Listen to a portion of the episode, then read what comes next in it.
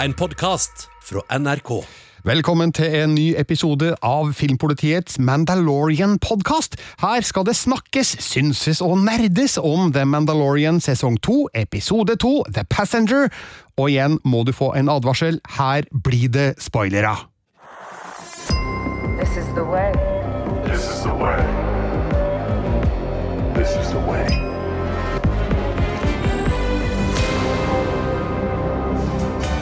It's just another Mando Monday. Oh, eh, oh, Mandalorian pod day. This is the way. Suga Suga fun day. It's just another Mando Monday. Ja, tre glade og spente filmpolitikonstabler sitter i studio, nemlig Birger Vestmo. Marte Hedenstad. Og Sigurd Vik. Og du, Sigurd, har tenkt å starte podkasten med å legge deg flat? Ja, eh, I forrige podkast så hadde jeg en legendarisk eh, tabbe, en kanonfeil, om du vil. Uh, det gjaldt da forskjellen mellom det som er canon og legend i Star Wars-universet. Og både Glenn Solvang og Softboy Supreme og flere har påpekt at jeg rett og slett eh, sa feil. Og hva var det jeg sa feil, Marte? Ja, du sa at Aftermath-bøkene eh, Hvor vi møtte sheriffen i The Marshall-episoden. yes, hører til Legends, men det er altså canon. Eh, og det er nok flere enn eh, oss som av og til er litt forvirra på Legends versus canon, fordi det er så masse ting å forholde seg til. Så jeg tenkte kanskje at for deg som hører på, som egentlig ikke helt skjønner forskjellen, så skal vi nå bare ta og forklare hva som er Legends. Og hva som er canon.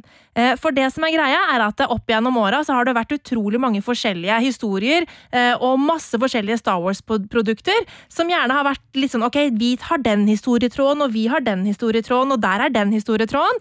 Og så eh, hadde de en sånn slags rangering av kanon, altså sånn underkategorier av kanon. At den er kanon, men den er litt mer kanon enn den, og den kategorien er minst kanon av alle. Altså, det, var, det var mye sånn surr. Subkanon. Subkanon. så i 2014 så fant da Lucasfilm ut at nå skal vi ta og rydde opp det greiene her.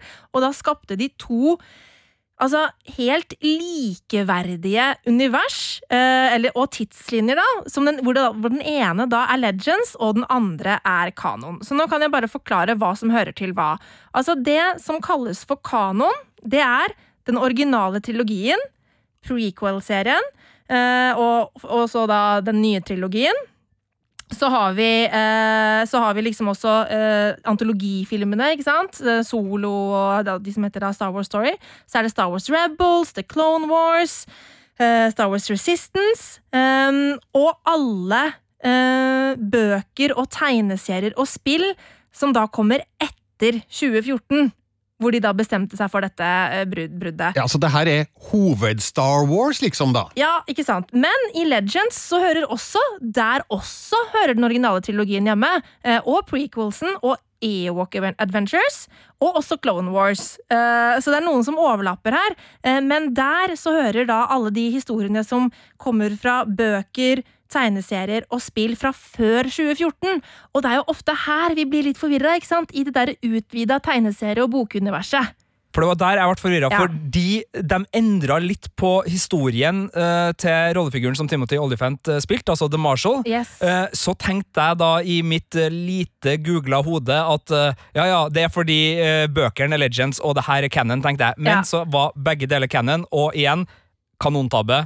Legg meg eh, paddeflat. Legendarisk bom. Ja. Eh, unnskyld, eh, og takk for at du eh, kunne rydde, og, og takk til dere som har sagt fra. Ja, Eh, så sånn det som- var ikke greit. Eh, Star Wars Legends og Star Wars Canon er to likeverdige univers, men det universet vi befinner oss i nå, i The Mandalorian, det er Star Wars Canon. Men de kan hente elementer fra Legends-universet. Ikke sant? Det kan hende de gjør det, og velger å gjøre Legends-ting til canon-ting også, ikke sant? Det er jo det som mange eh, teorier om The Mandalorian også går ut på nå, at det er historier fra Legends som nå Mandalorian kommer til å hente inn i canon, bare for å gjøre det enda litt mer forvirrende. Vi kommer garantert til å begå flere kanontabber, Sigurd, så frykt ikke, du er ikke helt alene her. Skal vi se da om vi greier å komme oss igjennom eh, recapen av eh, episode to av sesong to, The Passenger, uten å gå i fella nok en gang. Aller først, hva syns vi om episoden? Jeg har mine meninger, men jeg skal få la dere komme først her. Jeg er mest spent på hvordan det var for Marte Hedenstad å se den på kveldstid. For Marte Hedenstad syns jo at det er for risikabelt med tanke på spoilere å, å se episoden eh, på fredagskveld, og har da valgt å, å se fredagsmorgen. Ja. Men så, så skjedde et eller annet, Marte. Det som skjedde, var at i forrige podkast drev du og snakka om at det var jo helt bak mål å se det på morgenkvisten, og derfor eh, så du skulle se den på kvelden med pizza og full pakke. Eh, og det hørte jo mannen min på, for han hører på denne podkasten, og han bare 'Marte, vi må gjøre sånn som Sigurd sier, eh, fordi det her høres så mye bedre ut. Eh, kan vi ikke være så snill å se det på kvelden?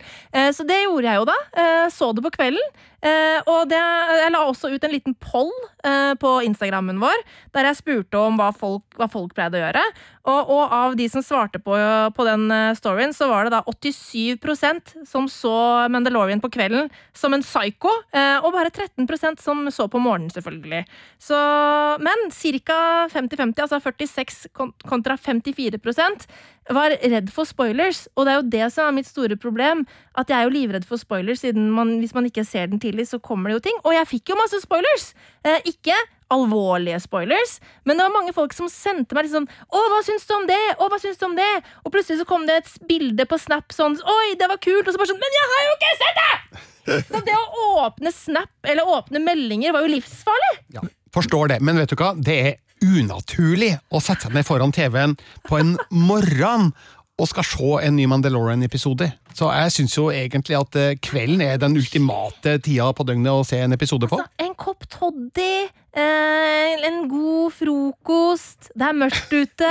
Det er jo kjempeherlig. Men jeg tror jeg skal begynne å innføre både morgen og kveld fremover nå. Ja, men da må du stå opp tidlig, for du skal jo på ja, jobb. jeg skal på jobb, da. Eh, Men altså, hvis episodene er sånn ca. tre kvarter lange, eh, så rekker jeg akkurat å ta bussen og komme meg på jobb før vi begynner. Men, men det viktigste er, eh, hva spiste dere på fredagskvelden jo og nøyt Det var jo selvfølgelig pizza, sånn som du sa. Altså, ja. Mannen min har jo fulgt dine ordre til punkt og prikke her. Det er ikke ordre. uh, altså, jeg er ikke imperiet her. Uh, det, det, det, jeg vil bare dele deler av eh, Altså, Sjøl tok jeg en tacopizza og kosa meg med episode to. Det var helt, helt nydelig. Du, nå er vi inne på et område vi har snakka om før, altså se en så viktig serie, og så spise mat samtidig! Ja, men pizza er greit, Birger. Altså, jeg, det, vi, det var jo taco vi krangla på, eller du og Marte krangla om, for du, du mener at taco er en for avansert rett til at du virkelig får med deg det som skjer på skjermen. Marte er jo ikke enig der, men jeg mener pizza. Altså popkorn, pizza, øl.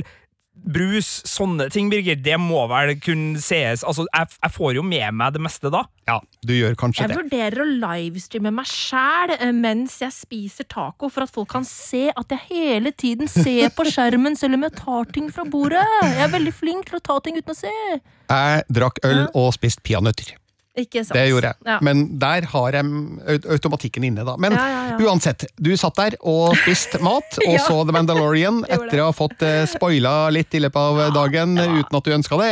Hva syntes du om altså, det du sa? jeg, eh, det var minimale spoilere, altså. Så, jeg, sorry til de som jeg sendte sånn svar til. Ikke spoil! Uh, det går bra. Uh, det var ikke noe som ble ødelagt. Eh, jeg, jeg kosa meg med episoden. Jeg syns det var mye morsomt og mye, mye å ta tak i. Samtidig så syns jeg òg at det er den svakeste episoden jeg har sett i Mandalorian så langt. Der skal jeg si meg hjertens enig med deg, Marte, etter at den første episoden, som John Favreau også regisserte, var bare en sånn skikkelig bra knallstart på sesong to, så var den andre episoden njeh, med. Altså, det var mye kule ting i den, og Ja. det var veldig søte ting som foregikk mellom Mando og The Child, og det var jo morsomt med flyging og monsterkriging, men det var en sånn transportetappe av en episode som gjorde at hele ferden bare stoppa opp litt.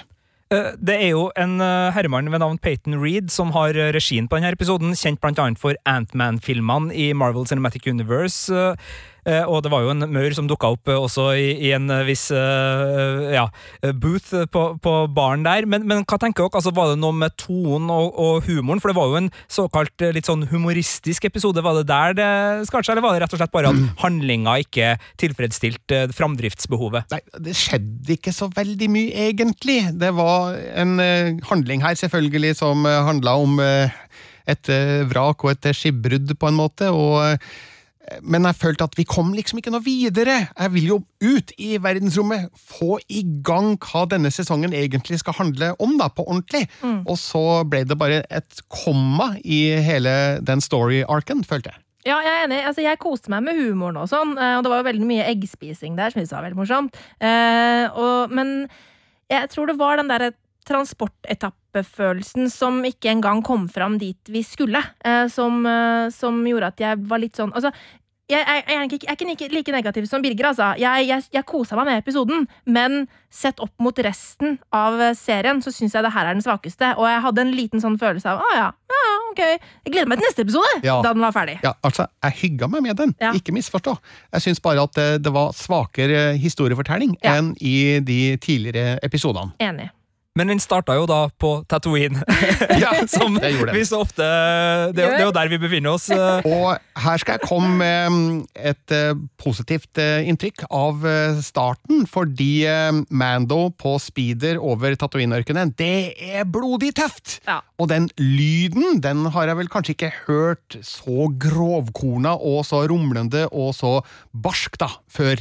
Altså de speederne vi så i um, vender tilbake gjennom skauen. Eh, de ga fra seg en litt annen lyd. Her var det litt mer sånn motor. Det var litt mer sylinder vrom vrom, og det var veldig kult. Hva syns vi om eh, fella som eh, ble eh, satt for eh, Mando og The Child? En klassiker.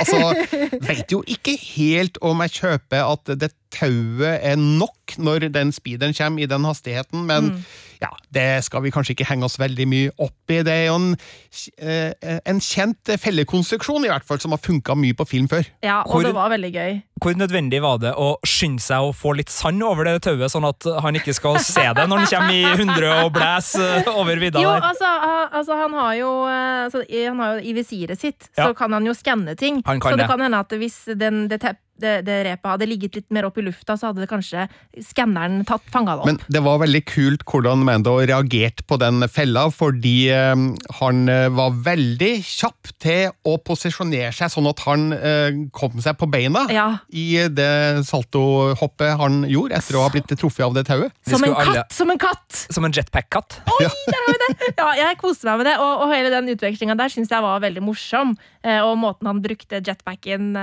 på å, å kvitte seg med han siste fyren, også Men- veldig artig. De, eh, disse figurene som la den fella, de, de virka jo litt interesserte i The Child. Eh, var det tilfeldig, mon tro? Altså, hva var de ute etter der? Vet vi noe om om de var ute etter noe spesielt der, eller var det rett og slett bare en sånn eh, en tilfeldig robbery? Jeg, jeg, jeg likevel å tro at uh, siden de sa uh, 'get the child', eh, så, så er vi med Så har vi å gjøre med skurker som, som uh, er på utkikk etter det barnet. Ja. Um, Kanskje ikke helt klar over hvilket oppdrag de har fått, og, og de kjenner kanskje ikke liksom, til viktigheten av det, men at, de har, at det har gått en beskjed på, i underskogen av kriminelle nettverk og dusørjegere og andre i det her eh, universet om at det er en Mandalorian som har en, eh, et barn, og, og det er vi veldig interessert i å betale gode penger for. Ikke sant? Det, det, det er tror jeg. akkurat det. Noen har liksom villet betale dem, og de bare Oi, her kan vi tjene noen lette penger. Eh, og så har de på en måte satt ut for å gjøre det, uten at de kanskje egentlig vet eh, hovedgreia. Jeg syntes jeg dro kjensel på én av de figurene, og det måtte jeg google, og fant ut at eh, det er nok eh, samme type, eller samme art, da, som Scrapjaw Motito, som vi så i scenene fra Jakku i eh, The Force Awakens. Mm. som da tydeligvis også befinner seg da i området, i lende, og er ute etter et eller annet å berike seg på. Kjapp liten uh, teori uh, bare der. Altså, Pelimoto er hun bare snill, eller kan det være at hun har hjulpet disse, disse nettverkene av undergrunnsfolk med, med litt info? Ja, hvordan visste disse skurkene at uh, Mando var på vei? Ja, nei, Mm. Jo Har den vei? Men altså, så, i så fall så er det fordi at hun har så lyst på den kiden sjæl. Ikke fordi hun vil selge den videre. Jo, jeg tenker Nei. den informasjonen eh, Altså, jeg, jeg, jeg, jeg vet ikke. Han, hun er Ja. så glad i The Child! Men hun er jo også en ganske kynisk uh, opportunist. But the child! Ja, nei, jeg, jeg merka bare at nå, nå var det liksom uh, Altså Hun er en opportunist og Ja. liker å tjene penger, men jeg tror hun er på ekte forelska i The Child og vil The Child alt godt. Ja, Men, jeg, eh, jeg håper du har rett. Mando uh, bytter bort jetpacken sin mot å få tilbake The Child, og det blir jo et morsomt poeng ut av det, da, når han trykker på knappen på armen, og jetpacken fyker i været med vedkommende som tok den. Ja. Eh, og så likte jeg veldig godt at jetpacken bare lander pent og pyntelig ved siden av dem, omtrent som en SpaceX-rakett. Ja. jeg, jeg tenkte å ja, SpaceX, tenkte jeg. Det var morsomt. Jeg tenkte, jeg, så langt tenkte ikke jeg. Jeg tenkte bare det var kult. Det var kult. Eh, De drar videre til Moss Isley og til et godt, gammelt sted i Star Wars-franchisen. Sitter de i samme bås Ja, eh, som Han Solo satt i da han skøyt eh, først? Det tror jeg, uten at jeg vet det for sikkert. Så eh, tenker jeg at de- de kan jo ikke la sjansen gå fra seg eh, til å faktisk sette dem i den akkurat nøyaktig samme båsen da, som Han Solo og Greedo satt i i den første Star Wars-filmen. Så jeg tenker vi sier det, at ja, de sitter på samme sted. Ja. Og der sitter de og spiller kort. Altså Dr. Manible, den Yep. her maurskapningen, og uh, Pelimoto sitter og spiller en variant av uh, poker, som jeg har skjønt ikke er eneste gangen. Altså Det er visst et spill, så når hun roper er det Idiots Array, så er det faktisk ei hånd da i det her spillet som Ja, okay. visstnok uh, uh, Lando Calrissian blant annet har liksom vunnet med tidligere, men nå, nå kom jeg over det her på internett, altså, så det her er ikke min uh, fagkunnskap, men det er tydelig at det er et kjent spill da, som krever en viss innsats, og, og da er det jo greit da å forhandle litt informasjon mot valuta osv. osv. Ja, spillet skal hete Sabak og har blitt brukt i flere sammenhenger gjennom Star Wars-historien, både i film og i, i bøker. og det er visst det spillet han Solo og Lando spilte da mm, han vant den, den store prisen, altså Millennium Falcon, i, i sin tid. Så det er et kortspill med lange, gode tradisjoner i Star Wars-universet, det her. Neste gang snakker du først, Birger. Ja, ok. Eh, Dr. Mandible eh, er jo en eh, ganske Hva skal vi si? Eh, ekstrem figur. Eh, jeg føler jo at Mandalorian virkelig mer og mer henvender seg til den første Star Wars-filmen for inspirasjon. Til hva slags uh, kreasjoner og vesener som finnes der ute. Tenker jo at av og til kan det bli litt sånn barne-TV. Med en sånn figur. Altså sitte her og spille kort med en gigantisk maur. Eventuelt Marvel-TV. Ja, nei, det kan jo være det. Altså, det er jo ikke noe tvil om at den mauren her, eh, når det da var eh, den regissøren det var, og Ant-Man-linken lå der, er en mulighet, men altså, det er jo ikke noe tvil om at Star Wars og The Muppet Show har eh, forbindelser mm. gjennom da gamle Yoda og Frank Oss og, og den biten der. Så, og, og det er jo en del kreasjoner i Star Wars-universet eh, som kunne ha vært snytt ut av en Jim Henson-produksjon. Så jeg liker jo det at man, man har disse litt sånn eh, litt sånn offe karakterene, da, som ser litt sånn «Øy, jøsse navn. uh, av og til så kan det bli litt mye, det er jeg enig i, Birger, men, men enn så lenge så, så trives jeg i det her. Ja, det er jo som du sier, det er litt sånn barne-TV, litt fraglende, litt Muppet Show-vib over det. Men det er jo så ja, deilig! jeg, jeg, jeg koser meg der, altså. Så får altså da Mando et tips fra Dr. Mandible om noen som kan kanskje vite hvor det finnes andre Mandalorians, og eh, det blir et rendezvous i eh, verkstedet til Peli Motto. Eh, Der grilles det kjøtt fra Crate-dragen, og så dere hva den brukte som grill? Det var motor. Det var motor! Det la jeg ikke merke til! De brukte en Podracer-motor. Å, gøy! Og det kan jo være, Vi så jo det i den, for, gang, ja. i den forrige episoden, så så vi en, um, en, en Podracer-sak i bakgrunnen. Ja. Og det er mulig at det er den samme som brukes her, da, men de, de bruker den som grill. og Klart man tar det man har, og den gjør vel jobben, vil jeg anta da. Men så får vi da møte eh, vedkommende som kanskje eh, hvor flere Mandalorians eh, fins. Frog Lady, er det det vi skal kalle henne? Ja, jeg tror det her er stesøstera til tanta til Kermit eh, fra Muppet Show, altså vår vert der, eh, og nok en figur da i, i den rekka, Birger, som eh, ser litt barne-TV ut, Nei, men men ja. som jeg liker. Da hun kom rundt hjørnet der, så, så bare ropte jeg sånn Å, herregud, hun var søt! Jeg synes hun var så fin! Jeg synes hun var så fin figur med de der store øynene, og jeg ble helt sånn betatt av henne. Men det er litt barne-TV. Ja, men altså Ja, er det det?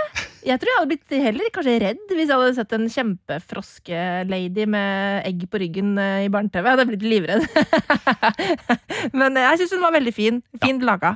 Søt, og har altså da en eh, liten flik av informasjon som hun bare vil gi fra seg dersom hun blir tatt med som the passenger Yes. på, på, på reisa.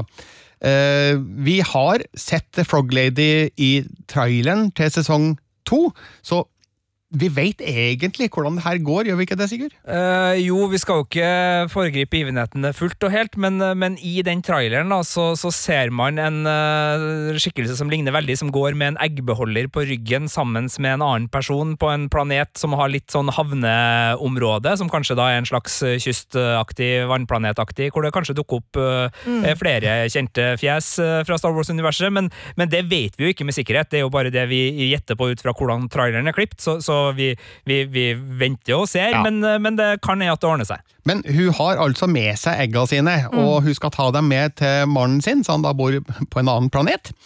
Som jo eh, sikkert skjer ofte i dette universet, uten at vi egentlig får veldig mye Ja. eh, informasjon om eh, samlivsforhold i Star Wars-galaksen. Men jeg tenker at eh, jeg ser en rød tråd gjennom denne episoden her. Det handler jo om Frog Ladies eh, morsinstinkt, og jeg lurer på om kanskje det vekker litt av Mandos farsinstinkt i forhold til The Child, fordi vi ser jo mer og mer i denne episoden hvordan relasjonen deres utvikler seg, og hvordan Mando på en måte prøver å oppdra The Child, for her er det jo flere sekvenser der The Child trenger en streng pekefinger. Ja, absolutt. Altså, eh, vi har jo sett omsorgen han har for The Child eh, gro og gro, eh, og bare sånn helt fra han skrur av den der kula på girspaken, eller hva jeg skal kalle det, og, og, og gir den til, eh, til The Child, eh, til at han på en måte nå begynner å forsøke å oppdra, som du sier. At, eh, han må jo nesten det når han, når han har med seg denne ungen. Eh, og jeg liker jo veldig godt eh, hvordan han på en måte har lagd et rom til de to, med den der lille hengekøya inne nedi Nedi rommet der, hva heter det? Hva heter, hva heter Lugar. Det? Lugar. Eh, veldig stygg liten lugar. Men eh, han har liksom ordna opp og forsøker å må være litt sånn pappa. Det blir jo det, ellers, ellers så mister han jo fullstendig kontroll eh, over denne ungen. Ja, det var kanskje også første gangen, eh, i hvert fall som jeg kommer på i farta, hvor The Child så tydelig søkt tryggheten i favnen til Mm, far. Mm, altså krøyp seg oppunder der når det blir tid for en liten eh, lur, og det er jo en eh, en handling som bygger opp under det du sier, Birger, med at man begynner å, å utvikle da, den relasjonen mellom de to til å ikke være en sånn enkel beskyttelsesmekanisme, men mer da en, en foreldre-barn-relasjon som, som stikker dypere, og som får flere lag, og ja, som, som begynner å uh, vokse på oss som publikum, og som gjør det enda mer eh, Ja, eh, hva du, du rekker opp hånda, Marte? Nei, nei, bare snakk ferdig, du! Ja, ja, nei, altså det, altså det gjør jo noe med at Det ble jo også tydelig gjennom denne episoden at eh, The Child har noen sider som ikke nødvendigvis bare er, er positive, og, og det hjelper jo på da at vi er følelsesmessig investert i denne skapningen for å kunne tilgi. Men det er jo akkurat det som er nydelig, fordi eh, her viser jo The Child at han er jo som alle andre små barn, som bare har lyst på godteri hele jævla tida. Altså, jeg husker da jeg var kid, jeg gjorde hva som helst jeg, for å få tak i litt godteri. Altså, Den gangen så var det jo bare godteri på lørdager, ikke noe annet. Det var ikke noe mulig å oppdrive noe. Altså, det var sånn, Vi panta flasker for å få råd til bugg. Jeg spiste liksom Nugatti på skje. Til og med en boks med mais kunne være godteri fordi det var litt søtt. Altså, Ga dette godteri! Eh, og det er jo det The Child er. Ga dette godteri! Og så er det jo da dessverre veldig synd at det godteriet er eh, hva barn av de kommende barna til en, annen, til en annen person. Det er jo dumt, for så vidt. Jeg liker veldig godt måten The Child spiser froskeegg på. Ja. Sjøl om det er litt uh, smertelig også, fordi søte Frog Lady mister Ja. jo flere av barna sine her. Hun gjør jo det. Uh, heldigvis så kan hun bare pumpe ut uh, litt flere. Det, det var en ting jeg kanskje savna litt. Hun, vi fikk aldri noen sånn veldig voldsom reaksjon på at det, liksom La ikke halvparten jeg av egga var merke til at det mangla fire-fem egg i den beholderen? Men, men seriøst òg, da. I, I starten der. Altså, hun har akkurat uh, haika med en vilt fremmed kriger, eh, og så lar hun bare tanken med, med babiesene stå ubevokta i lasterommet. Ja. Da tar de ikke Ja, med nei, seg og er passer på på dem poeng. engang. Så da kunne jeg bare ha det så godt. Nei da, vi skal ikke dit. Men, men der, der syns jeg froskemor skulle ha vært litt mer påpasselig. Det, det så ikke engang ut til at den beholderen var stripsa fast på noe vis. Nei. Den Men- sto bare på gulvet. Ikke sant? Tenk om den hadde knust. Ja, det kunne ha skjedd, og øh, vel, nå er det jo øh, mange ting som skjer med det romskipet i løpet av denne episoden, så jeg ville ha tatt litt bedre vare på disse egga, ja. Men eh, det er jo også litt sånn kommunikasjonsproblemer mellom Mando og Froglady, fordi hun snakker jo et øh, for han fremmed språk. Jeg la merke til at han spurte Froglady om hun snakka Hutties. Og øh, det er jo et språk som jeg antar at det har noe med Jabba the Hutt å, å, å gjøre. Ja. Um, men jeg liker jo måten det her løser seg på, da, fordi Frog Froglady finner jo da restene av uh, den roboten som uh, var med i sesong én. Var det Zero den het?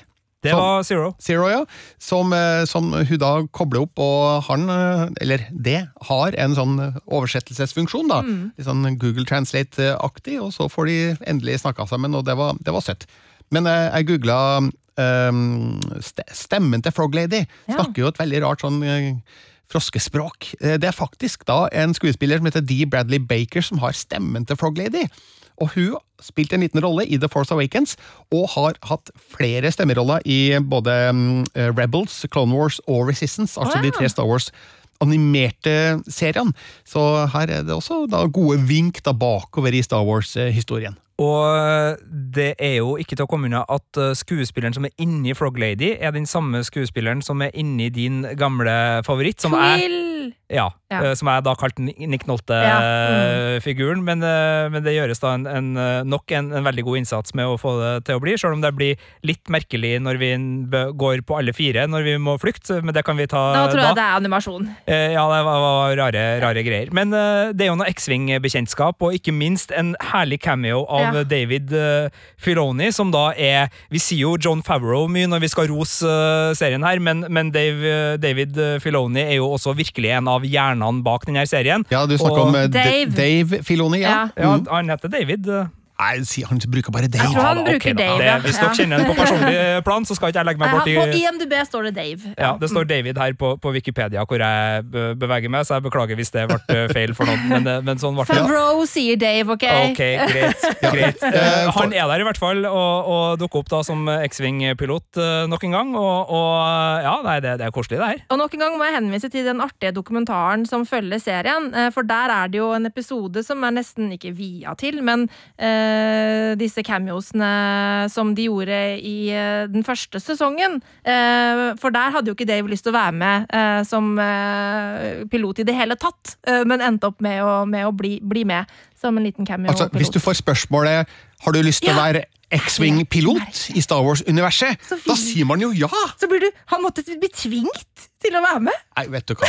Men altså, han er jo på jobb. Skal han, betale, skal han jobbe overtid gratis? Altså, han, kanskje han skulle hjem og spise taco? Han syntes det var kleint, men så endte det opp med å bli veldig kult, og han ble fornøyd med resultatet. Og nå er han jo tilbake i sesong to, så han har nok endra mening. og det er jo så nydelig å se den bakom-dokumentaren og se hvor utrolig fan og hvor utrolig gode hender eh, Dave uh, Filoni har rundt denne produksjonen, sammen med John Favreau. Da, at vi er liksom i, i gode fanhender, og, og de har en kunnskap og en oversikt som er helt nydelig, og de bruker den kunnskapen så utrolig godt. Og eh, det å ta med tilbake liksom den eh, heist-episoden, som vi har kalt den, altså den fengselsflukt-episoden fra forrige sesong, og, og sette i eh, stand liksom sånn at konsekvensene fra forrige sesong lever videre på flere plan enn bare det som har direkte med oppdraget å gjøre, syns jeg også er nydelig. Og jeg tenker at hvis både X-Vinger jager Mandalorian og eh, vi så jo hvordan skip eh, selveste Moff Gideon hadde. Det var jo en eh, annen type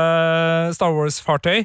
Så kan det være at vi får litt sånn gjennom at begge jakter Mando, eller liksom støter på Mando opp, gjennom at vi kan få litt sånn X-Wings versus TIE Fighters-action mot slutten av sesongen? Ja Absolutt. Det kan vel hende. Altså, det- De vet jo at fansen vil jo elske det. Mm. Det vil jo være artig, og en litt sånn uh, at det også kan skje litt i utkanten av det her universet, litt sånn på, på små sideoppdrag. Mm. Uh, jeg tror i hvert fall ikke det siste vi har fått sett av disse uh, X-Wing-pilotene. Jeg tror de dukker opp uh, mer, og det ja, gleder ja, meg ja. til. Det håper jeg. De, de refererer jo da disse X-Wing-pilotene til det som skjedde i um, The Prisoner-episoden i sesong én, og det er jo derfor de fatter spesielt eh, stor interesse da for dette skipet. Så uh, Mando forstår jo at uh, her er det best å komme seg unna. Uh, Og da lurer jo jeg på, hvis han skal til planeten Trask, hvorfor i all verden flyr han så nært innpå en annen planet? Fordi han er jo rett ved siden av når han bestemmer seg for å unnslippe disse X-vingene. Ja, det var vel fordi at han må Altså, for det er jo noe med at han ikke kunne fly fort. Han måtte holde, og da, må, da har det sikkert noe med tyngdekraften til ulike planeter, kanskje hvordan du navigerer deg At du må liksom planethoppe litt, kanskje, når du skal kjøre øh, sakte.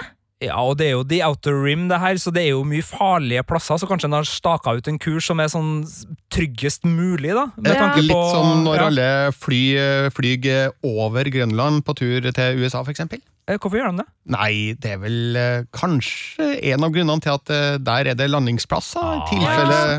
Jeg vet ikke, altså, men siden han på en måte Ja, siden han ikke kan fly med hyperspeed, så Ja. må han kanskje lage en sånn melkerute. Usikker, ja. Kanskje han må liksom bruke tyngdekraften til den planeten som en slags eh, Ja. sling? Ja, ja, ja, sånn som, sånn som på ekte, holdt jeg på å si. Ja. Jeg bare lurt på det. Det blir ikke sagt noe om det, men eh, uansett, eh, jeg bare registrerte at eh, Ja. oi, han, han var virkelig nær den planeten plutselig, Ja, ut av eh, det, det blå. altså. Men det er kanskje en plausibel forklaring eh, på det. Men det resulterer jo i hvert fall i noen ganske spektakulære flygescener, Mm. og det har jeg jo ingen eh, problemer med å få mer av i Star Wars-universet. Det var jo virkelig noen ekstremt vakre bilder der. Absolutt. Eh, og det var, som du sier, vakre bilder, stilige landskap og veldig Altså, det var jo så deilig, deilig action eh, på skikkelig sånn ekte Star Wars-vis. Ja. Så jeg kosa meg veldig med den eh, flighten der. Og på det punktet der um, Mando eh, stopper opp bak en sky, og Ja. så trekker han i stikka, og så lar han eh, skipet bare ramle rett ned. Det var vakkert, det! Det var tøft. Ja. Det var kult. Det var uh, igjen god bruk av eh, jetmotorer. Uh, der, akkurat som på jetpacken i åpningsscenen, så, så viser Mando seg som en eh, mann som kan å justere fall ved Mm. hjelp av eh, motorkraft, og, Det- og det er generelt en god egenskap. Det var noe med den Den minte meg litt grann om den eh, Altså Obi-Wan og Django sin eh, sånn fight uh, flight-scene i uh, Attack of the Clones. Ja. Det var, litt, det var litt sånn, min- minte meg litt om den. Men et ankepunkt for min del der er jo at han utsetter jo, utsetter jo skipet og seg sjøl og passasjerene for ekstrem fare for å unnslippe. Altså, Var faren disse X-vingene utgjorde så stor at det var nødvendig å utsette seg sjøl for alt det her? Altså, han var jo sikkert uh, engstelig for å bli liksom hanka inn, da. Uh, og da måtte han jo ha drept dem. Altså, jeg tenker at uh, vi vet jo ikke hvor mye eh, dritt Mando har gjort eh, i fortiden, som Nei. han tenker at oi shit, hvis jeg blir tatt for denne parkeringsovertredelsen, så kan det hende at de oppdager alle likene jeg har i skapet. Eh, så det kan, jo være en, ja, det kan jo være en sånn greie. Pluss at det kan jo være, eh, i likhet med Millennium Falcon, så er jo eh, Razor Crest et skip med et ytre som bedrar. Det er mye hemmeligheter om bord i den skraphaugen her, og det er kanskje ikke en skraphaug eh, likevel. Og, og det liker jeg jo veldig godt, at vi nå blir litt mer kjent med, med farkosten. Og det kan jo hende at han eh, på ingen som helst måte ønsker at eh, to eh, folk med ja, politiets funksjoner skal inn og inspisere eh, på noe som helst vis. Men jeg stussa også litt sånn eh, bare liksom ut fra det vi fikk vite i episoden her, så var det en overreaksjon, og, og også hans motvillighet til å pinge og, og tilkjennegi seg virka litt sånn ja, hvorfor ikke, hvorfor ikke? Men, Men jeg antar at det er fordi han har gode grunner til å ikke ønske det. Ja, så Han frakter jo ulovlig gods, antageligvis. Ikke Ja, sant? Er passasjeren passasjerene eh, ulovlig Nei, nei, kan, nei. men- nei, men altså, hvem andre han har i, øh, i skapet sitt. Ja, altså, ja. Øh, vi vet jo ikke, som du sier, hvem han har vært bounty hunter for tidligere. Men han reagerer jo veldig på at stemmen hennes eh, For hun våkner Ja, jo på et veldig ubeleilig tidspunkt, så det er tydelig at han Ja. ikke ønsker å tilkjennegi at hun er der heller. er. Så, så om det altså, at Uber-virksomhet er så ulovlig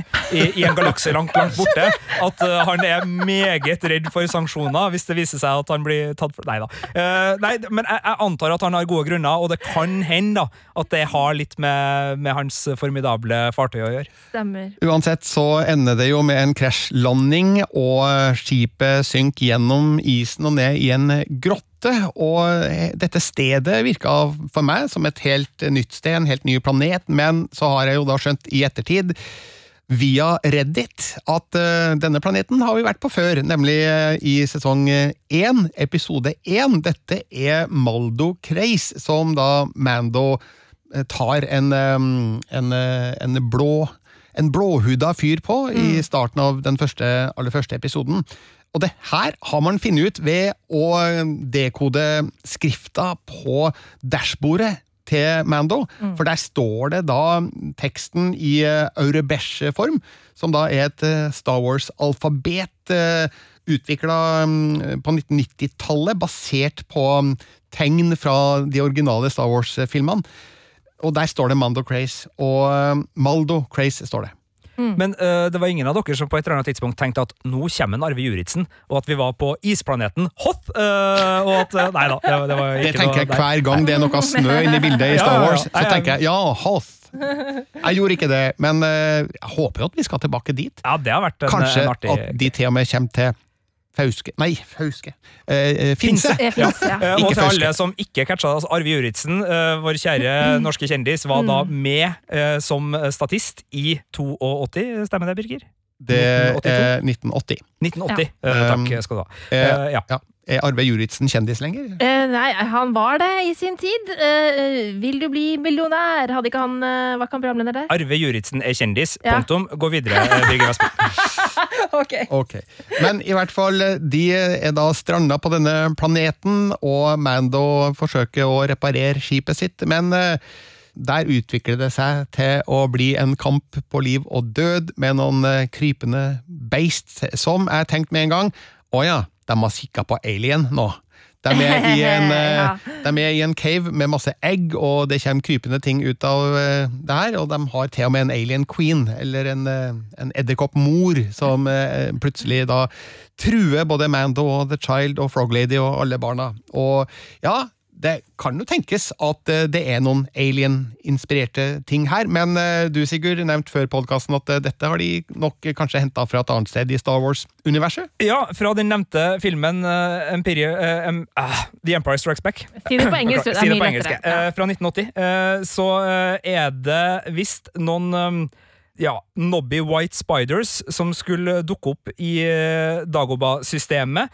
Eh, artisten er Ralph McQuire, som da designa mye av det her, og, og det skal da visstnok være fra hans design. Men det eh, endte aldri de opp uh... det endte aldri opp i Nei. filmen, men det, det skal da, de skal da ha gått tilbake til de tegningene Og for å, å hente fram eh, de igjen. da. Så Original igjen da, artwork. så går man tilbake til originaltrilogien og, og henter inspirasjon fra den rette plassen. Det er kult. For jeg, jeg følte at jeg var i World of Warcraft, for der er det alltid sånn derre Nå skal du drepe så og så mange, så knuse så og så mange egg, drepe så og så mange hatchlings, eh, og da får jeg den samme følelsen av at jeg liksom blir oversverma av små edderkopper, og så er det alltid en eller annen sværing som kommer borti hugget. Jeg kan Altså- bare nevne også, For dem som er tegneserieglad, så dukker visst også disse skapningene opp i Rebels-serien, eh, men den har ikke jeg sett, så det tar jeg bare for god fisk. Og den er kanon. Takk skal du ha. Det blir i hvert fall en spennende flukt fra denne varme kilden tilbake til skipet. Og jeg syns jo at edderkopper er helt eh, grusomme, og syns at eh, Arachnophobia er en av tidenes skumleste filmer. Enig. Folkens, Arachnophobia fra 1990 er det vel. Se den hvis du ikke har gjort det. Den er virkelig creepy på alle mulige vis. Eh, Og det går jo eh, såpass hardt for seg etter hvert i den flukten at eh, man begynner jo å lure på hvordan i all verden skal de komme seg ut av det her. Alle skjønner jo at selvfølgelig vil de komme levende fra det, fordi det kan jo ikke slutte sånn i episode to. Men det viser seg at det er altså da disse X-Wing-pilotene som kommer dem til unnsetning og dreper alle edderkoppene, og de kan da fortelle Mando at de tilgir han for alt han har gjort. Ja. Det fins de formildende omstendigheter. Men altså, men altså, her må jeg bare snakke Jeg syns, bare Tilbake til de edderkoppene før vi går videre. Fordi jeg syns de var fryktelig treige. Altså, Harry Potter. De må kjøre bil i vill fykende fart gjennom skauen for å unnslippe edderkoppene.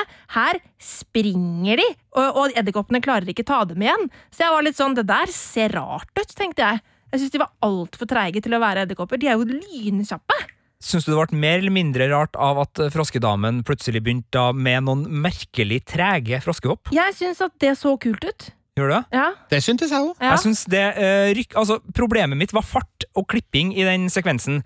Fordi hun var foran og bak eh, Mando på ulike tidspunkt, og selvfølgelig ting går opp i, i fiksjonstroverdighet, det er ikke det jeg sier, men det var et eller annet med rytmen i den fluktsekvensen eh, som jeg både syns var litt sånn merkelig med tanke på, på fart, men som også lugga litt med at dem to ikke liksom hadde øh, den synergien da, som en god flukt skal ha, hvor du virkelig liksom kjenner på energien i flukten. Her syns jeg alt ble litt sånn stykkevis, og jeg syns heller ikke liksom det at de la om til litt sånn ulike øh, mekaniske bevegelser, hjalp den framdriften. Altså, Altså, hun, burde jo, hun burde jo hoppa fra han. for å si det sånn. Når hun legger på fullt firsprang, så burde jo hun stikke men så plutselig hun bak han, Ja, øh, enig, etter at hun har hoppa. Eh, Så, så, og det er ikke, altså Han kunne ha stoppa, hun kunne ha gått en sidevei. altså Det er mange gode grunner til, til at det kan ha vært sånn, men jeg syns klippinga og framdriften i den fluktscenen var overraskende lite frisk eh, til å være Star Wars og, og såpass velproduserte greier. Mm, ja. Det er nesten tre døgn siden jeg så episoden, så det her har jeg glemt faktisk, at Frog Lady var litt foran og litt bak. Men Ja. eh, da skal jeg se den scenen om igjen, og så Ja. skal jeg gjøre meg opp en mening om hvordan det funka. Hvis du vil, så kan du også gå tilbake til den første slåsskampen og se på hvor utrolig kjapt den her eh, Java-lignende skapningen får tak i The Child, fra han blir, øh, tanka, eller altså blir frarøva rifla fra Mandalorian. Oh. Det er også en klipping som jeg syns lugger litt sånn i Ja. Han er okay. veldig rask med Han han må bort og hente The Child, fram med kniven og komme seg i en eh, truende posisjon, og det skjer sånn. Nemlig. Eh? De blir i hvert fall redda, og eh, Mando lapper sammen skipet såpass at de greier å komme seg opp og frem og ut. Her er også et lite innspill, for jeg har fått en melding eh, på Snap eh, av en lytter som eh, kaller seg for Burtons, som eh, syns at det, hele den greia her var litt grann rar. Fordi, og jeg lurer på om dere tenkte på det samme. Var det merkelig at ikke X-Wing-gutta eh, hjalp Mando noe mer? Det kan ha å gjøre med at eh, de kanskje ikke liker Mando så innmari godt, Nei? til tross for at eh, de da har funnet formildende omstendigheter. Så det er mulig at eh, han er ikke populær nok til at de gadd å hjelpe, å, å hjelpe han. Ja, men for det er litt sånn, eh, som han skriver Burtons da, eh, hvis vi går ut fra at Mando følger kjente westerntroper, som den jo gjør i stor grad, så er jo denne gjengen noen slags eh, marshal eller peacekeeper som skal opprettholde lov og orden, sant? Eh, da, hvis man er det, da lar man vel ikke skipsbruddene med kvinner, barn og egg eh, bli igjen på iskald øde planet, eller? Nei, det er et godt poeng, og, og, det eh, gjør det jo selvfølgelig litt merkeligere, men jeg tenkte vel som så at uh, Mando prøvde seg på én tjeneste for mye. Altså når han liksom sånn 'takk for hjelpa', kan dere fikse skipet mitt, hjelp meg. Altså, altså han, han utnytter gjestfriheten på en måte, da, som gjør at de bare liksom sånn 'ok, hei, hei, vi har, vi har akkurat liksom uh, redda livet ditt', og på en måte latt være å arrestere deg. Nå kan du bli igjen her og Nå, fryse i ja, hjel, din jævel. ja, ja, de har vel såpass tiltro til at han eh, er ressurssterk nok til å, å komme seg ut av knipa. da. Men heldigvis er Mando verdenshistoriens beste mekaniker. Ja, Fordi han greier jo å reparere skipet godt nok på veldig, veldig, veldig kort tid til at de kan dra ut i verdensrommet. Og med de skadene det skipet har fått på den planeten, så ok, det her er fantasi da, selvfølgelig, men i den virkelige verden så hadde det tatt månedsvis. Ja, vi vet jo ikke hvilke verktøy eh, Mando sitter på, da. Eh, men eh, Og så vet vi jo ikke hvor lenge de var der, egentlig. Nei, men jeg, eh, altså, Det er jo ikke noe tvil om at Birger har et godt poeng Ja. her, men eh, jeg sitter vel med en sånn eh, tanke at eh, da han begynte reparasjonene, så var det eh, med tanke på å få skroget tetta og alt. altså Da hadde han tenkt å gjøre mye. Mm. Det han ender opp med å gjøre, er bare å lappe de to svære edderkoppforma hølene i Ja. cockpiten, få et vakuum der, sånn Ja. at han kan, eh, som en sier, uh, halt Hold- ja, og den er eh, jo ja. rimelig vinglete, Ja, det så, vi så, så han eh, marginaliserte jo reparasjonsjobben da, til, til å bli en liten en. Så kan man jo stille spørsmålet hvorfor var ikke det uh, førstepri? Da, da virker det jo som han nesten kunne ha tatt av Uh, før hele seansen i spa-avdelinga uh, og edderkoppjakta Ja, tok fatt. det kan, men eh, eh, det jo, altså, når du ser de, ser de bildene på slutten av, av eh, hvordan eh, den holder seg i, eh, i rommet der eh, Jeg skjønner at man ikke sånn i utgangspunktet har dritlyst til å fly av gårde på den måten. ja, du blir jo fort stoppa av politiet også hvis du har i bakluke som slarker sånn som det Mandalorian hadde der. Men folkens, de to beste tingene med hele episoden omtrent skjedde jo helt på tampen. Da snakker jeg selvfølgelig om Use the Privy. Altså, har det vært western før, så ble det i hvert fall western nå.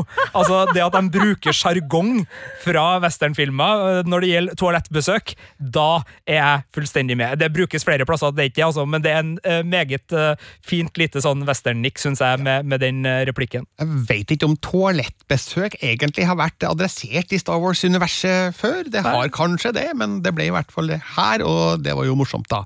Eh, Er dette ukas Beskar for deg? Nei, jeg har, eh, nei, jeg har faktisk en annen på Beskar, men jeg må jo si at eh, den siste lille Shuga eh, også er helt fantastisk, da. Eh, det at eh, The Child har spart eh, på et egg, Han har spart. eh, som han liksom helt sånn uh, uskyldsrent og pent uh, sant? glefser i seg helt på tampen der. Tilbake til det der med godteri bare på lørdager. Noen ganger så kanskje man tok noe godteri. Putta det i en uh, isboks, gravde ned i hagen. Skal ikke si jeg har gjort det. Jeg har gjort det. Uh, men man må Du har gravd ned godteri i hagen hennes, da? Ja, jeg har gravd ned godteri i hagen, ja. For å ha på ukedag. Nå høres jeg helt sjuk ut. Nei, men altså, det var bare godteri på lørdager. Men Jo, men altså, Hadde du utømmelige lager på lørdager, sånn at du Nei. kunne liksom bare Nei, forsyne deg masse? Jeg fikk en ganske god godteriskål Ja. uh, hver lørdag, uh, og da var det jo liksom clouet å ta og spare noe. Men hvorfor måtte du grave det ned i hagen? Kunne du bare liksom ha putta det eh, andre plasser i, i, innendørs i huset? Kanskje litt mer sanitære Meget godt spørsmål! Gjør du fremdeles det? Altså, hvis det er ting du skal liksom passe på, altså går du ut i hagen med det? Vegard la meg spise godteri på. Ligger det liksom tre flasker vin og en konfekteske i, i Ja, okay. Nå gjemmer jeg det bakerst i skapet. Veldig fint. Eh, Her lærer vi nye ting eh, om- karaner hele tida, og det er fantastisk. Vi har snakka oss igjennom eh, den eh, andre episoden av eh, The Mandalorian sesong to. Den het altså The Passenger.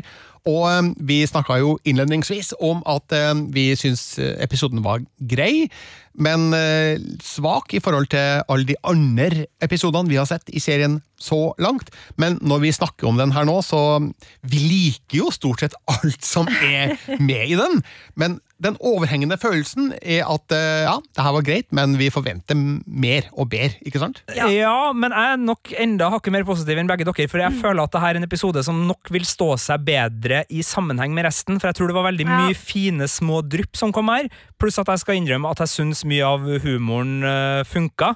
Så, så jeg kosa meg mye med, med detaljene, og så merker jeg at en sånn episode som dess mer jeg skjønner og får med meg av det totale universet, dess eh, artigere blir episoden. Men den blir ikke nødvendigvis liksom, narrativt bedre plottmessig eller spenningsmessig. Så jeg, jeg, ser absolutt hvor du kommer fra, Birger, men jeg merker at det er en episode som eh, stimulerer fan eh, gleden i meg på en litt annen måte enn eh, det andre episode har gjort. Og så er det jo ikke noe tvil om at det her var en The Child-episode med s- blokkbokstaver. Altså, det uh, temaet som The Child fikk av Ludvig, Ludvig Gøransson, og det nye, litt sånn nesten sånn Danny Elfman-aktige, litt sånn magiske Tim Burton, Edvard Saksehånd-aktige uh, temaet, det var jo helt nydelig. Og når han står og kikker på det eggglasset og liksom bruker kraften da, til å liksom få de framover mens vi hører det her Altså, det var jo en episode bygd opp rundt eh, Ja, man kan selvfølgelig kynisk si merkevaren eh, Baby Yoda, men eh, jeg følte at det var en The Child-episode, så der The Child var marginalisert i episode én, så fikk vi kanskje overdose i episode to. Det blir spennende å se hvordan de bruker The Child videre utover. Jeg føler at han er eller det, er i ferd med å bli mer kommuniserende, mer utadvendt, mer søkende. søkende, og det kan jo gi seg gode utslag senere i sesong to av The Mandalorian. I have spoken. Det er klart for ukas Beskar og ukas Stormtrooper. For de som trenger en liten oppfrisking, hva er det for noe, Marte? Beskar er det beste med episoden, for Beskar er jo det metallet som Mandalorian-rustningen er laga av. Altså, det er helt sånn dritbra metall som kan stå imot det meste, eh, og det er veldig mye verdt. Eh, så det deler vi altså da ut til det som er det beste med episoden. Mens stormtroopere de er kjent for å bomme på alt mulig rart. Så derfor går eh, altså ukas Stormtrooper til det som vi syns at episoden bomma på. Du, jeg har lyst til å begynne, hvis jeg får lov til å gjøre det. Ja. Og eh, da skal jeg returnere til flyginga, altså. Altså den eh, fighten mellom eh, Mando og romskipet hans og de to X-Wing-flyene. Er vi på Beskar eller Stormtrooper her nå? Vi er på Beskar. Aha. Ja, vi er på Beskar. Fordi det blir jo da en dogfight ned mot denne planeten Maldo Kreis, og der flyg Mando ned i en ravine, og da er vi plutselig tilbake til Trench Run og den originale Star Wars-filmen fra 1977. Føler at vi har sett det her mange ganger før i Star Wars-historien, blant annet at um, Mando flyger jo da gjennom et veldig trangt eh, punkt, der X-vingene ikke kan følge etter, og det har vi også sett før, så her føler jeg at det er en del sånne flygetroper da, fra Star Wars-universet som eh, episoden gjentar eh, veldig godt, og det likte jeg. Så det er min Beskar for, for uka. Ja, jeg kan slenge meg på litt sånn i den, den samme leia. Fordi det som jeg hadde tenkt å nominere som ukas Beskar, var bare det øyeblikket når X-vingene slår seg ut. da fikk jeg bare sånn der Åh, fuck shit, dette er så fett! Og så leder jo det da inn i denne ville, ville flukten og jakten. Eh, Så jeg, jeg, vi er litt sånn på samme bølgelengde der, eh, Birger. Hva med deg, Sigurd? Uh, vi er også i, i luften, men for meg så var uh, Razor Crest eh, Altså måten vi blir kjent med skipet på Ah. nå, og, og, og at det her var en episode som, som åpna opp både flere dører med tanke på uh, at det her er et skip som, skip som, som skjuler mer Altså, eh, det blir jo døm, altså, De X-Wing-pilotene er jo bare sånn her Det skipet der tåler ikke den nedfarten her. Og det har vi hørt før i Star Wars-universet. At folk liksom sånn Det skipet der skal ikke kunne gjøre det der. Og så viser det seg at her er det en underdog. Her er det litt som med R2D2. Det er mer under uh, blikket enn eh, det vi uh, Ja. Uh, blekket, blir det vel. Uh, så faktisk. Ja, jeg, jeg syns at Razor Crest da skal få den, men det, det okay. skyter jo veldig inn i det Mhm. Birger sier, da. Ja. Hva var din Beskar? Det Min var faktisk øyeblikket X-vingene slår seg ut. Ja, det var det Ja. som var. Mm. Um, så ja Ja, hva, hva skal vi bli enige om her, da? Altså mm, Vi skal vi møtes et sted på Altså, jeg kan egentlig bli med på jakten, altså bli med på flight-sekvensen, jeg, ja, altså. Ja, men da er det to mot én, da. Så da er det to. Nei, nei, det er egentlig ikke et Nei, for- mot, fordi nei, for det er jo Razor Crest ja. som utfører det dere syns er magisk. Så, Ja, så dere er jo bare mer Men- del enn helhet. Da kan vi si, hvis vi gir uh, ukas Beskar til Racer Crest og flight-sekvensen Vi kan gå god for den. Ja, Men det var et høydepunkt i eh, denne episoden, så det er ukas Beskar. Men så, ukas eh, Stormtrooper. Hva var det verste med episoden, Marte? Jo, eh, der er jo jeg litt sær, da. Men jeg og det vet ikke. Det, det er en ting jeg lurer på. Er det på grunn av at vi kommer fra et land hvor det er mye snø? Fordi jeg syns altså den snøen var drite ræva. Eh, den snøen som de går på inni hula, hvordan hula ser ut inni, syns jeg så skikkelig, skikkelig, skikkelig, skikkelig, skikkelig, skikkelig fake ut. Eh, Så eh, ja, de praktiske effektene når det kommer til settet der, syns jeg rett og slett var dårlig. Så ja, dårlig snø, det er min Stormtrooper. Ja, Min er det som jeg har nevnt før i episoden, i podkasten, at uh, jeg likte ikke utseendet til Dr. Mandible. Det ble for uh, fake. Ah. Eller fake, altså det ble for barne-TV. Det ble for uh, barnslig, rett og slett. Okay. Så um, jeg tenker at det er gøy med morsomme vesener i Star Wars-universet, men um, at det skal sitte et menneske og spille kort med en stor maur, det, det blir for weird. Etter min smak. Jeg har det jeg allerede har nevnt, at jeg syns klippinga eh, både i åpningsslagsmålet, da, og da mener jeg kun den scenen da The Child plutselig har kniven på strupen, det skjer mm. litt for brått, men, men mest eh, den klippinga i jaktsekvensen hvor uh, Froglady, Mandalorian og The Child rømmer fra isedderkoppvesenene. Mm. Eh, den eh, var ikke dårlig, men den burde ha vært bedre. Altså Det var Ja. smålugging inn, og, og til å være uh, et godt uh, økonomisk uh, budsjettert Star Wars-eventyr, så, så syns jeg de fikk lite ut av eh, den biten. Eller altså, ja, den, den, den lugga. Jeg, jeg, jeg tror kanskje jeg skal Jeg er den som slenger meg med på ting i dag, åpenbart. Fordi jeg elsket jo folk som spiller kort med maur. Kjempegøy. Jeg koser meg med veldig fornøyd. Så jeg, tror, jeg tror jeg kan slenge meg med på det, for jeg syns jo at den sekvensen sekvensen, eller den scenen hvor de løper ut av hula, ikke funka så bra. Eh, jeg tenkte ikke over at det var klipperytmen, eh, men jeg syns jo edderkoppene var eh, liksom merkelig treige til å være edderkopper. Syns det var rart. Liksom, det var ting som skurra med den sekvensen. Ja, og det, Eh. det kan godt være at det er for enkelt å si at det var, var klippinga, og, og det er nok en kombinasjon av ting, og, og, og det er viktig å si at det her ikke eh, å, å si at Her folk ikke, ja, altså. og Ja. det er ikke å si at folk ikke kan jobben sin, for det handler om smak. Det er ikke noe direkte feil inni her noen plass, så dere må ikke tolke oss dit. Men Men- Harry men men, Potter gjorde det bedre. Ja, mange har gjort det bedre, og, og jeg, jeg syns der vi elska øh, fluktscenen til Mandalorian øh, til, i, i lufta, Mm. så, så var den her øh, øh, ikke av samme kaliber, og heller da kanskje et, øh, et hakk slapper. Men øh, Birger, øh, hva tenker du her? Er du Nei, jeg tror kanskje at eh, mitt angrep på den store mauren er påfengt eh, her, sånn at uh, her må dere få vilja deres. Og ukas Stormtrooper må gå til litt eh, vekslende klippekvalitet på den innledende slåsskampen. Og på den avsluttende flukten fra de heslige edderkopplignende vesenene. Så skal jeg se den sekvensen om igjen, Sigurd, for å se om du har rett. Men kjenner jeg deg rett, så har du rett. Jeg er villig til å legge meg uh, flat også neste episode. Uh, det er ikke bare kanon... Kanskje det var dritbra klipping!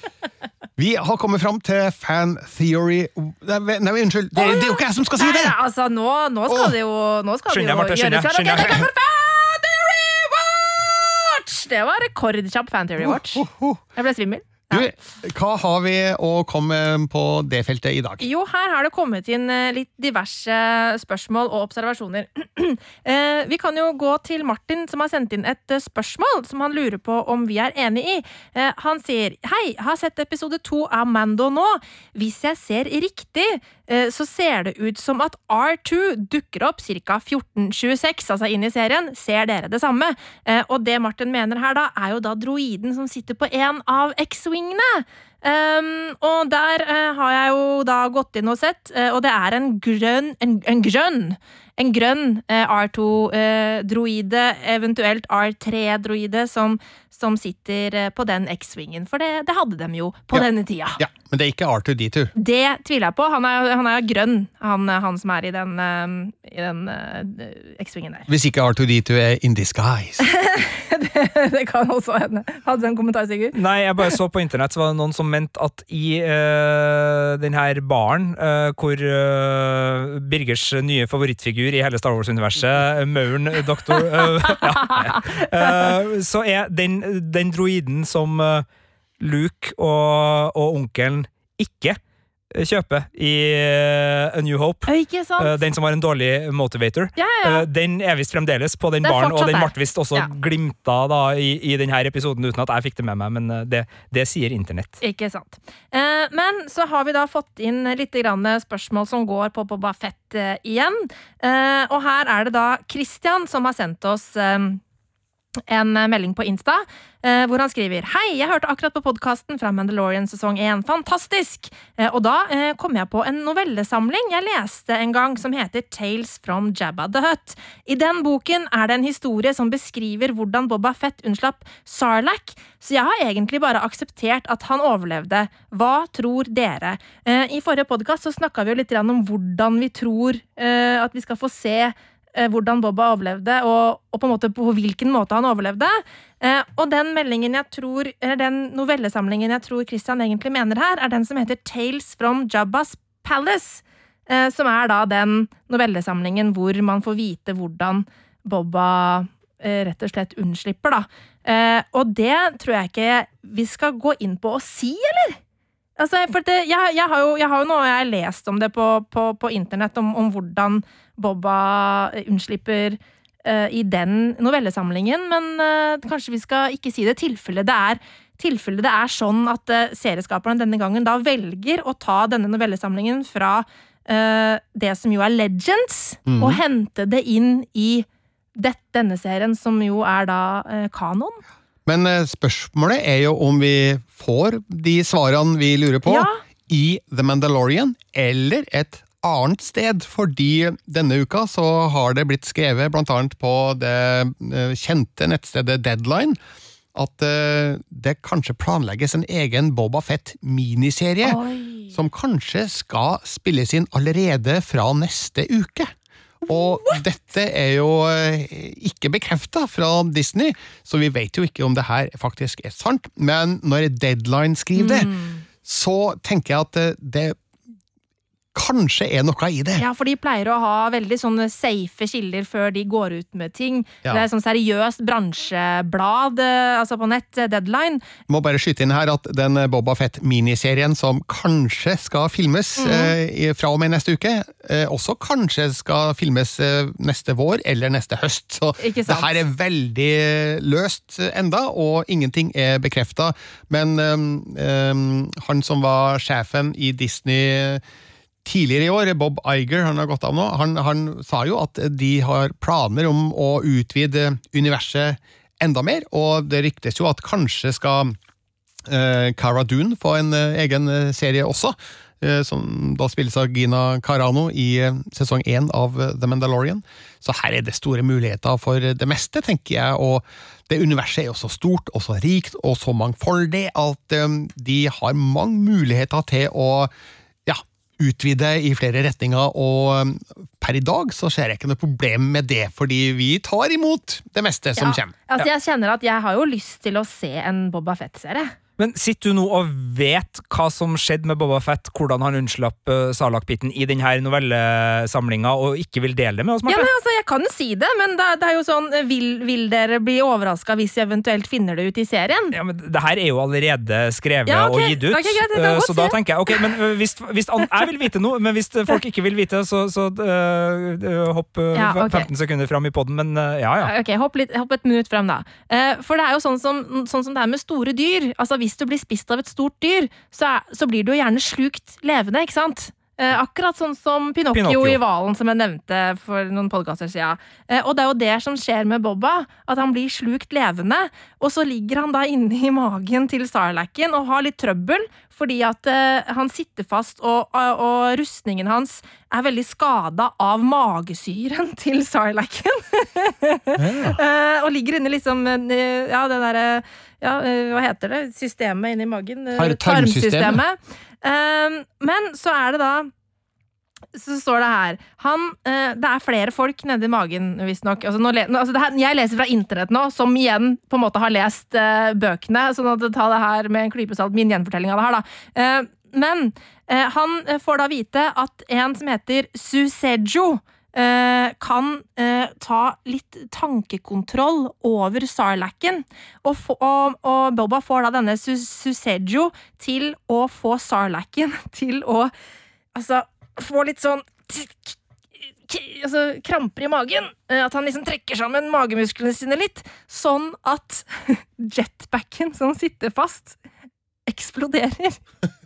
Det er ganske, ganske, ganske gøy. Eh, og, og, så, eh, og den, denne eksplosjonen da får da Bobba fri fra der han sitter fast. Og så kjører han da disse granatene sine inn i veggen da på, på magen eller hva det er, og lager et høl, sånn at han kan, slippe ut. Men har ikke Boba Fett eh, jetpacken på seg, da? Jo, men den sitter fast Jo, nei, ja, ikke sant. Altså, den, den har ikke eksplodert, den. Altså, nei, ja, så, men, nei, men det her, det, det her er det som, uh, som det står da i denne, i denne uh, a, a Barv Like That, som er da denne novellen fra den novellesamlingen som heter uh, The Tale of Altså The Tales from Jabba's Palace. Nå skjønte jeg hva du sa, Sigurd. Den har jo ikke eksplodert, fordi vi ser den, Den jo ser vi jo. i forrige Mm. episode Mm. Så- The Så det betyr, at, det betyr at kanskje vi da i tilsvarende som Aftermath, som jo faktisk er kanon, da, at det vil bli noen, noen endringer når de henter det inn i TV-serien. Eh, hvis det er det, altså hvis det er sånn det skal foregå i det hele tatt, da. Og det vet vi jo ikke. Og det vet vi jo ikke. Men det, altså, det, denne historien her er jo ikke, er jo ikke kanon, eh, men det er den historien som er da i Legends-universet. Min teori er at um, Boba får skikk på jetpacken, og så flyr den ut. Kanskje han, kanskje han får i, i, sånn, Hvis han, han kompisen som kan på en måte eh, få litt sånn tankekontroll over Sarlacken, får, får Sarlacken til å rape eller noe sånt noe, sånn at han da kan fly ut akkurat idet han raper. Det tror jeg. Jeg har et spørsmål til dere to som ikke går på Bobafett eller noe av det her, eh, men det er Fins det noen grense for hva The Child vil spise eller ikke? Og uh, hvor går din personlige groteskgrense, Marte? Altså, du er jo en eh, dyreforkjemper, glad i, i kattepuser spesielt, har to av dem. Altså, Er det noe som vil på en måte få deg til å uh, miste sympatien totalt når det gjelder matinntaket til, til The Child? Det som jo er veldig gøy, er at det vi jo har sett The Child spise før, er jo en frosk. Som han stapper bare helt i kjeften. Eh, Og nå er det da froskeegg. Eller ja, ish. Så, Og edderkoppbabyer. Ja, så han er jo jævlig glad i egg og små ting. Hvis uh, The Child begynner å spise små kattepuser, Ja, da, da går det for langt. Ja, for- for at det som er at så lenge på en måte det er litt sånn ekle ting eller stygge ting, så går det greit. Det, det er, greit. er, er, det sånn, er, det så, er ikke sånn det funker, da? Men, Det eh, er mulig. eh, men du, Marte, er, for å bare oute deg, da, du er kattekvinne. Jeg er kattekvinne. Jeg har to katter hjemme som jeg er veldig glad i, men jeg er veldig veldig glad i dyr generelt. da. Jeg liker ikke å se eh, dyr som lider. Eh, ofte hvis det er på en måte sånne gamle krigsfilmer, og sånt, så syns jeg jo det er verre å se en hest som knekker bena og, og, og vrinsker i, i frykt, enn eh, noen som blir kappa hodet av, liksom. Men fins det katter i Star Wars-universet, egentlig? Nei, det fins jo tydeligvis uh, svære maur, da, så who knows? Tror ikke vi skal bli for overraska hvis det dukker opp en, en katt eller to? to. Faktisk, så, så eh, det var i en, en tegneserie Uh, i, For vi vet jo ikke hvordan The Sand People ser ut bak masken, men i en tegneserie, eh, en Star Wars-tegneserie, så har de en gang blitt, blitt portrettert som kattefolk, faktisk. Tukas, eh, Radacats og Lothcats eh, fins i Star Wars-universet. Kan ikke du ta oss litt videre, Sigurd? Jeg vet at du hadde noen teorier du hadde lyst til å legge frem her i dag. Altså, det, vi har jo vært innom det, altså, øh, om øh, om både TIE Fighter og X-Vinger kan, kan ende opp i, i Ja, væpna ja, ja, konflikt ja, på grunn sant? av Mando, Mm, og det, det håper jeg jo. Og så har jeg jo uh, sådd mine mistanker om at øh, denne såkalte hyggelige uh, mekanikeren på Tatooine kanskje er litt mer uh, ussel enn en det vi har uh, trodd. Og så var jeg jo nysgjerrig på, på matfat, eller altså hvor vi setter grenser på matvanene til, Ja, til The skjønner. jeg Child. da. Eh, Men da tenkte jeg vi kan gå eh, til Glenn, som har sendt oss en e-post på filmpolitiet at nrk.no med masse forskjellige spørsmål. Vi kan jo ta noen av dem. Eh, Tror dere at vi kommer til å se altså planeten Mandalore i løpet av denne Kanskje ikke sesongen, men serien?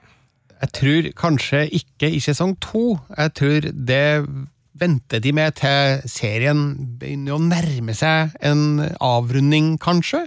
Fordi jeg ser for meg at eh, denne reisa den skal bli lang, og de skal innom mange forskjellige steder før de kommer til sluttpunktet. Hva tenker du, Sigurd? Nei, jeg tenker at uh, det er uh, altså, og, nå må jeg jo igjen da ta høyde for at jeg har ikke sett alt av Clone Wars eller Rebels, og, og kan ikke universet fullt og helt her, men, men uh, jeg har sett uh, Mandalore i Clone Wars. Så langt har jeg kommet, og det er jo massevis av fascinerende historie som det ser ut til, ut fra rykter, uh, små glimt i trailer og uh, det vi vet om rollefigurer som kanskje skal være med så, så er vi jo på vei inn mot de, altså både med tanke på uh, jedier som kanskje vi skal treffe på, og uh, folk fra uh, Death Watch, er det hva det heter, det her uh, øh, tidligere terrororganisasjonen fra, fra Ja. Mandalore, så, så, Mm. så det kan jo hende at vi skal i den retningen. Og nå, Jeg prøver å holde tunga rett i munnen, folkens, så jeg beklager veldig hvis, det, hvis jeg bommer her. Det, det er ikke intensjonen, men jeg, ja. Ja. Uh, men, uh, men jeg tenker vel som deg, Birger, at eh, det virker å være litt for langt unna fra der vi er nå, og at det vil være naturlig ut fra liksom, historiens rytme at vi kommer dit litt seinere. Det vil jo være veldig enkelt hvis det viser seg at eh, enten uh, Mando sin Quest leder han til, til Mandalore nå, før han får levert The Child, eller at han rekker begge deler i løpet av denne sesongen her, så jeg tenker at det må være Mm. eh, lenger fram i tid. For det er jo flere som spør om, om uh, folk som er forbundet med, med Mandalore. Uh, både Glenn og også Liv eh, spør både om vi tror at vi kommer til å da få se Sabine Wren, og også eh, Boka- Bo- Bo-Katan Cries ehm, eh, og ehm, altså Ashoka har vi vel allerede snakka om i podkasten at vi tror eh, kommer til å dukke opp. Det er eh, padawanen til, eh, til Anakin. Eh, og du hadde noen teorier om at det kanskje ble allerede neste episode at vi i hvert fall får møte noen av disse, Sigurd? Ja, det kan se litt sånn ut, fordi hvis man Hvis internett har rett, da, så kan det hende at eh, skuespilleren som skal spille Sabine Wren, som da er en uh, Mandalorian, uh, er på denne planeten som Mm. froskedamen møter sin gemal og rusler langs havna med uh, eggkurver på ryggen. Ikke sant? Og hvis det er tilfellet, men det vet vi ikke, for klipp kan bedra i, i trailere, så kan det jo hende at vi begynner å treffe denne gjengen allerede neste episode. Og da er jo Asoka også en naturlig neste person å kanskje bli introdusert for. Men det er jo egentlig gjetting basert på trailer, så Det blir jo veldig spennende, da, men dette, det, er jo, det er jo litt sånn der, hver gang vi ser trailere for en hel sesong, og hvordan ting er klipt, eh, kan jo lure oss eh, veldig. ja. øh, vi har gått på noen smeller der Game of Thrones-messig Mm. tidligere og trodd at alt skulle se helt annerledes ut, og så tok vi bare feil, og, og det kan det godt gjøre at vi gjør her også. Uh, og så kan vi jo bare si at det her er fanteorilandskap som vi må tilbake til, men da i en grundigere runde, fordi nå nærmer vi oss ganske dyptgående Star Wars-teorier, ikke minst eh, teorier som binder sammen eh, hovedantagonisten, hans Darksaber, uh, kjente jedi-figurer og veldig mye av handlinga i, i øvrig Star Wars-univers, som da kanskje Kanskje trekkes inn i Mandalorian-serien, men vi vet jo ikke med, med sikkerhet. Det kan jo godt hende at det her er bare uh, litt sånne red herrings og andre lurerier fra serieskaperne, og så viser det seg at vi skal høyre-venstre, og så rett på en annen eh, Ja. ferd. Eh, Og hvis du som hører på tror at du vet noe, eller har en teori om noe, eller har noen spørsmål til oss, så send det gjerne inn til oss på filmpolitiet at nrk.no, eller send oss en DM på Instagram, eller en melding på Twitter. Du finner oss hvis du søker på Filmpolitiet. Og med det er vi vel ferdig med å snakke om The Mandalorian sesong 2, episode 2, The Passenger. Og så er det herlig å tenke på at det er bare en liten arbeidsuke igjen til episode 3 kommer. Ja, og Så den skal jeg se både på morgenen og på kvelden! Ja, du skal det. hvis, jeg, hvis, jeg rekker det, hvis jeg rekker det før jobb. Nemlig. Jeg tror jeg venter til kvelden, altså, så da må du være vennlig på fredag og ikke spoile noe. Uh, Marte, jeg sier det med en gang. Jeg sverger. Eh, burger som spises med hender og ikke kniv og gaffel, Birger, er det tillatt uh, til Star Wars, eller er det Hvem også for spiser burger med kniv og gaffel? Er du skada? Nei, altså hvis jeg lager hamburger med chips eller har andre ting attåt, så, så er jo det en kniv og gaffel-rett. Det er det sjukeste jeg har hørt. Du, Er det det sjukeste du har hørt? det er ikke Jeg spiser ofte hamburger med kniv og gaffel, Altså- Marte. Men det er jo ment å holde i!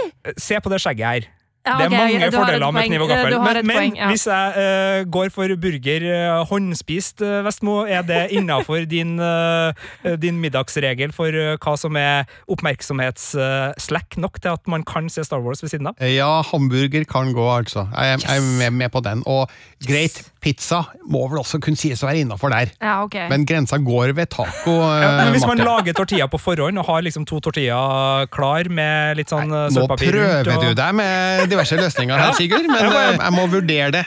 Så vi kan ta opp den tråden på, neste podkast, som kommer da eh, mandag om en uke fra når dette spilles inn. Og da skal vi gjøre det samme som vi har gjort nå, om episode tre av The Mandalorian. Og vi, det er altså Sigurd Vik. Marte Hedenstad? og Birger Vestmo. I have spoken. Du har hørt en podkast fra NRK P3.